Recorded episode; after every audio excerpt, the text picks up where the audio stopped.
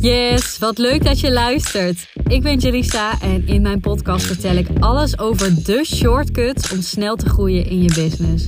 Want ik ben zelf in een korte tijd snel gegroeid en ik vind het heel tof om al die learnings met jou te delen. Denk aan thema's als sales vanuit verbinding, mindset, productiviteit en lead generatie. Heel veel luisterplezier. En mocht je de podcast nou leuk vinden en zelf ook sneller willen groeien met je business, download dan mijn gratis sales training waarin ik je precies leer hoe je vijf nieuwe klanten in één maand tijd kunt verwelkomen. Te downloaden via de link in de show notes.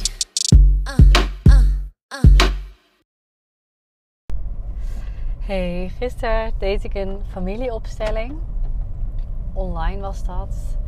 Ehm, bij Esra Brouwer. Aanrader. En het was echt best wel intens, heftig, emotioneel. En uh, nu heb ik best wel wat uh, persoonlijke ontwikkeling gedaan. En dat bleek, bleek ook wel uit de opstelling. Dus dat uh, was, was heel erg mooi. Maar ja, toch raakte het me echt super erg. En ik dacht, ja, misschien is het wel mooi om hier alvast iets over te vertellen. Natuurlijk, hè, over een tijdje uh, ga ik nog met Ezra een podcast opnemen. Dan kan ik veel beter delen wat, wat het echt in mijn leven gedaan heeft. Want nu is het echt. Uh, gisteren ja, hebben we die opstelling gedaan. Maar ik vind het wel mooi om eventjes met je te delen hoe dat ging.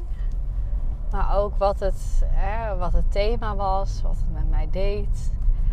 Uh, omdat ik hoop dat, dat je er misschien wat aan hebt. Want het thema wat ik inbracht was eigenlijk het ontvangen van, uh, van kritiek. Of uh, het idee hebben dat iemand kritiek heeft, niet tevreden is. Nou, dat, dat eigenlijk. En ik weet dat dat wel langer een thema is bij mij ook in loondienst. Ik ben heel erg. Ja, ik wil het gewoon heel graag goed doen altijd. En ik denk dat dat al op het VWO naar voren kwam. Uh, meer uh, als in, nou, ik was best wel tot laat huiswerk uitmaken en zo. Ik wilde het gewoon graag goed doen. Nou, op heel veel vlakken heb ik dit al geshift. Zo ben ik echt totaal niet meer perfectionistisch. Heb ik de universiteit vrij makkelijk kunnen halen de tweede keer. Want de eerste keer zat ik drie maanden op de Unie. Toen ging ik wel vanuit perfectionisme um, alles doen. En toen was het eigenlijk niet te doen. Uh, maar die tweede keer, nou, best wel easy. Ik hoefde weinig te leren. Ik vertrouwde heel erg op, oké, wat ik vandaag um, um, leer, dat kan ik... Uh, ik ben ondertussen weer een keer aan het rijden trouwens. En het is hier een wegafsluiting. Ik ben een beetje aan het kijken welke auto er nou voor gaat. Um, maar goed, ik ben die tweede keer heb ik het echt wel ja, vrij makkelijk kunnen redden. Ik had goede cijfers. Ik hoefde er weinig voor te doen. Dus ik had toen een soort van shift gemaakt van oké, juist als ik niet perfectie nastreef en heel erg vertrouwen op oké, ik heb dit gehoord, praktisch nadenken. Um, logisch nadenken ook. Dan kan ik de vragen gewoon beantwoorden. En uh, heb ik ook veel meer aan, want ik weet wat het betekent. Het is niet dat ik enkel de tekst ken, zeg maar. Nou, niet helemaal interessant dit, maar waar het om gaat is dat ik al best wel wat werk gedaan heb. Ook als anderen wat van mij vonden. Want dit ging natuurlijk meer over prestaties. Maar als anderen wat van mij vonden, kon ik dat echt heel moeilijk handelen.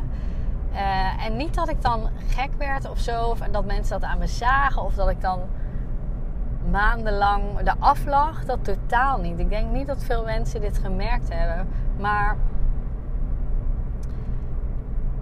ja, ik voelde het echt wel in mijn buik bijvoorbeeld. En soms was dat echt heel lang. En denk ik dat ik er best wel heel veel last van gehad heb. Ontvangen van kritiek. Het gewoon altijd goed willen doen. Het altijd goed regelen. En het is ook een beetje dat ik van nature denk ik uh, een bepaalde rol oppak. En dan hè, zorg van het, het is goed. Of hè, ik heb dus in de jeugdzorg gewerkt en daar jeugdzorg, gehandicaptenzorg, in ieder geval met, uh, met, met jeugd met heftige gedragsproblemen. En daar was natuurlijk ook regelmatig een soort van crisis. Nou, ik kon dat altijd best wel goed uh, handelen. En mijn, ik, hield mijn hoofd cool, laat ik het zo zeggen. Ik hou mijn hoofd vaak cool in stressvolle situaties. Nog steeds. En dat heb ik altijd wel redelijk goed gekund. En daar zit gelijk ook, denk ik, een soort van probleem. Um, dat, ik, dat ik snel iedereen, hè, alles moet goed zijn. Alles moet, moet goed lopen. Alles moet, iedereen moet tevreden zijn. Iedereen moet oké zijn. Um, als, het iets, als het ergens niet oké is, dan ga ik de verbinding aan. Ga ik weer hard werken. En um, ja, tot het weer oké is. Nou, dat wist ik op zich al van mezelf. Maar wat heeft die familieopstelling nou daaraan bijgedragen? Nou, het was echt super mooi. Sowieso gingen we heel erg um, nou ja, de vrouwenlijn af. Dus heel erg ook hè, van mijn moeder, mijn oma, die kant. Uh, wat, wat zit daar nog? Hoe zit het gezin in elkaar? Mega interessant als jij uh, ook een thema hebt waarmee je struggelt om dit eens te doen. Um, sorry, mijn keel is dus nog steeds niet helemaal oké. Um, maar wat daar nou gebeurde, ja, een aantal dingen. Ook, uh, ook uh, ten opzichte van, nou ja, hoe sta ik in mijn gezin en systeem en dat. Maar ook een stukje over uh, mijn innerlijk kind. En dat wil ik heel graag met je delen. Wat heel erg mooi was, is dat ik mijn innerlijk kind heel erg dichtbij me voelde. Echt letterlijk voor me tegen mijn buik aan. Um, als je helemaal niet bekend bent met familieopstellingen, denk je echt: what the fuck, waar heb jij het over? Maar, nou ja, zij, zij voelde ook van: oké, oké, bijzonder. Even voelen, oké, ja, dit klopt. Het klopt dat het voelt. Eh, ik voel dat het klopt. Dat het innerlijk kind heel dicht bij jou staat. En dat is super mooi, want dat betekent dat je al heel veel werk daarop gedaan hebt. En dat is denk ik ook echt zo. Um, dus ik voel me, voel me heel sterk, stevig, geankerd.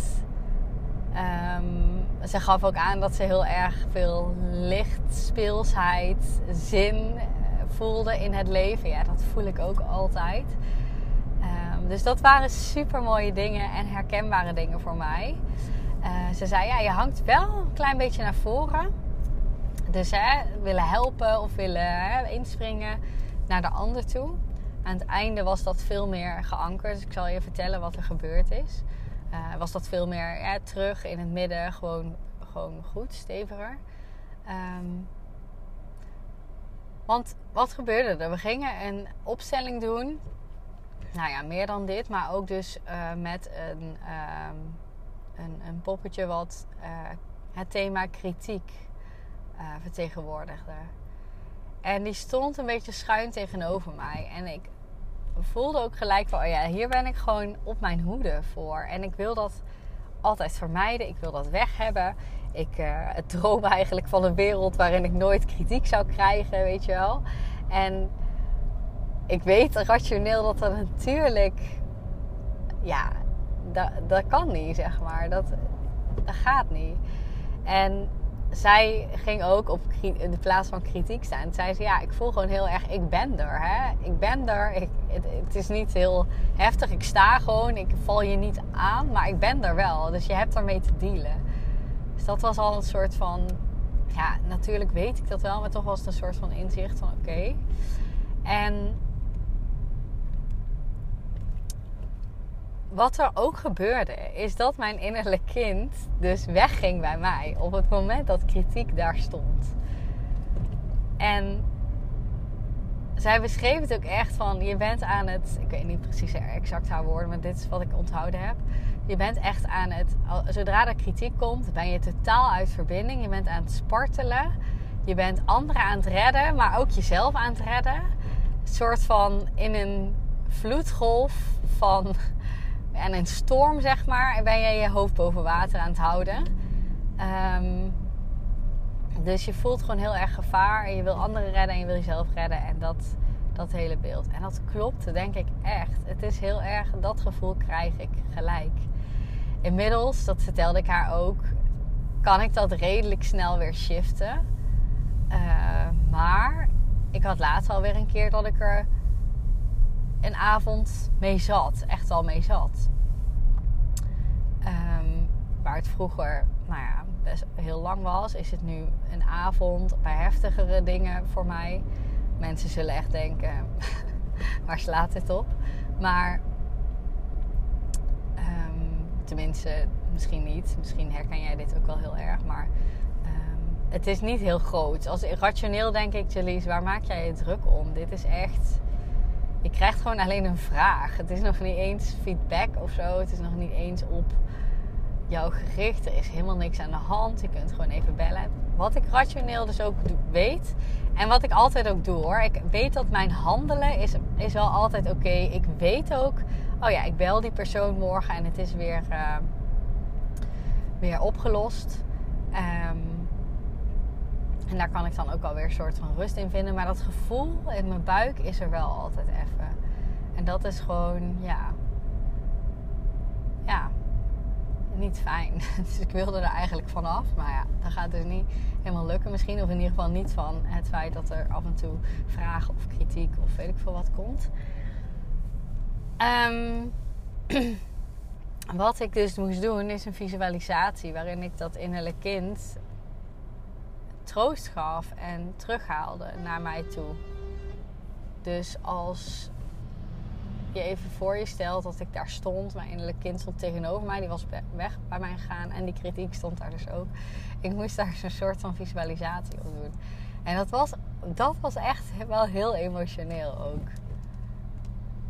Ik, ja. Nu ik dit zo zeg, denk ik, oh, dit klinkt misschien super vreemd voor je. Misschien ook niet.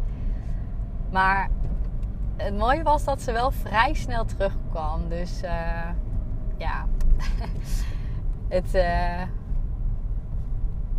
het, was, het was heel mooi. En verder was er ook nog een, ander emotioneel vlak um, over dat ik hè, ook, ook de wereld in mag gaan en mag leven. En niet heet het rekening hoeft te houden met anderen. En dat de mensen waarmee ik dus nu de het rekening wil houden of voor wil zorgen, dat die zich wel redden. En dat die mij willen volgen en dat die bij me willen zijn. Maar dat ik mag doen, weet je wel. Dus dat was ook heel emotioneel. Ja, en ik ben dus heel benieuwd wat dit mij gaat brengen. Ik hoop dat het, uh, dat het mij beter gaat lukken om hiermee om te gaan. En anderzijds deelde ik dus dit, dit dus ook met uh, mijn huidige coach. En zei hij van, dat vond ik ook wel weer heel mooi. Ja, het kan ook echt, of het is eigenlijk ook echt een kracht dat je, dat je, dat het je uitmaakt, zeg maar, om feedback te krijgen. Dat het je uitmaakt wat anderen vinden. En dat betekent ook dat je veel om anderen geeft, dat je Um, dus dat was mijn eigen interpretatie. Hè, van dat je geeft om je klanten. Belangrijk vindt dat je klanten blij zijn. Dus het kan ook echt een, een grote kracht zijn om er op die manier naar te kijken en dat te voelen ook. En dat was ook wel een shift toen ik dat uh, besefte. Dacht ik, ja, dat, dat mag ik dan meer gaan omarmen als soort van kracht. Um, ja, in mijn bedrijf, in mijn coaching, in uh, alles wat ik doe. Dus dat. En ik ben heel erg benieuwd wat er allemaal uh, ja, nog uit gaat komen. Of er nog thema's gaan zijn die hier mee gerelateerd zijn. Of dat er nog dingen in mijn bedrijf gaan gebeuren. Of dat ik er misschien heel anders of beter mee om kan gaan. Wat eigenlijk de eindsituatie was, was dat ik heel erg verbonden was met mijn innerlijk kind. Dat ik minder dus naar voren hing, maar veel meer rechtop stond. Nog steeds die joy en speelsheid en zin in alles wat ik mag gaan ontdekken in het leven. En ik mocht dus lopen, ik mocht dus gaan zonder dat ik iedereen mee hoef te slepen. Maar ik mag erop vertrouwen dat de mensen die mij lief hebben mij volgen. En dat was, uh, dat was heel mooi. Dat was de uitkomst van, uh, van de familieopstelling. En uh, ja, ik huil niet super vaak, maar ik had echt wel flinke tranen bij, uh, bij dit. Echt, echt heel mooi was het. Dus ik ben heel blij dat ik het heb mogen ervaren. En ik hoop dat je er ook weer wat uithaalt. En ook als jij het ook lastig vindt hè, om om te gaan met misschien meningen of negativiteit. Of bang bent het niet goed te doen voor anderen. Dan hoop ik dat je hier herkenning in vindt. En ehm, ja, ik kan, kan je ook zeker aanraden om een familieopstelling te doen. Er zijn natuurlijk nog veel meer dingen die daarin uh, helpen. Eén ehm, zin die mij altijd heel erg geholpen heeft, al om van um, me mega druk maken om dingen van anderen naar echt al veel meer rust. Uh, dat, dat heb ik af, uh, jaren geleden al gedaan, maar dat was een zin. En die zin was: Ik laat bij de ander wat van de ander is. En heel vaak zijn we geneigd om te denken van ja, dit gaat over mij. Iemand heeft kritiek op mij. Maar wat meestal zo is, is dat er iets gebeurt of jij zegt iets of jij doet iets wat die ander triggert. En dat is van die ander. En het kan ook zomaar zijn dat diegene slecht geslapen heeft, ruzie met, uh, met zijn of haar partner heeft. Dat er een thema is wat lastig is voor diegene.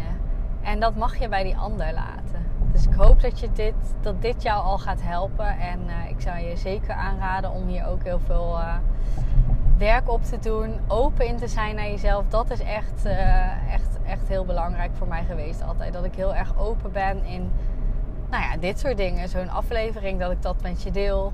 En um, dat heb ik eigenlijk best wel vaak gedaan.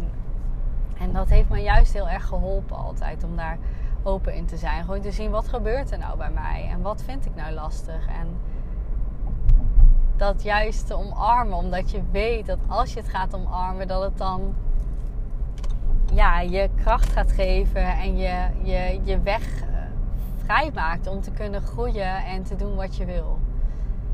En dat wil ik uh, je meegeven vandaag. En ik hoop dat die binnenkomt en dat je er wat aan hebt. En ja, als je er iets over wilt delen met mij, vind ik het super leuk om uh, een berichtje te ontvangen. Mag op LinkedIn, op, uh, op Instagram. Misschien herken je je in mijn verhaal. En um, ja, let me know en geniet van je dag.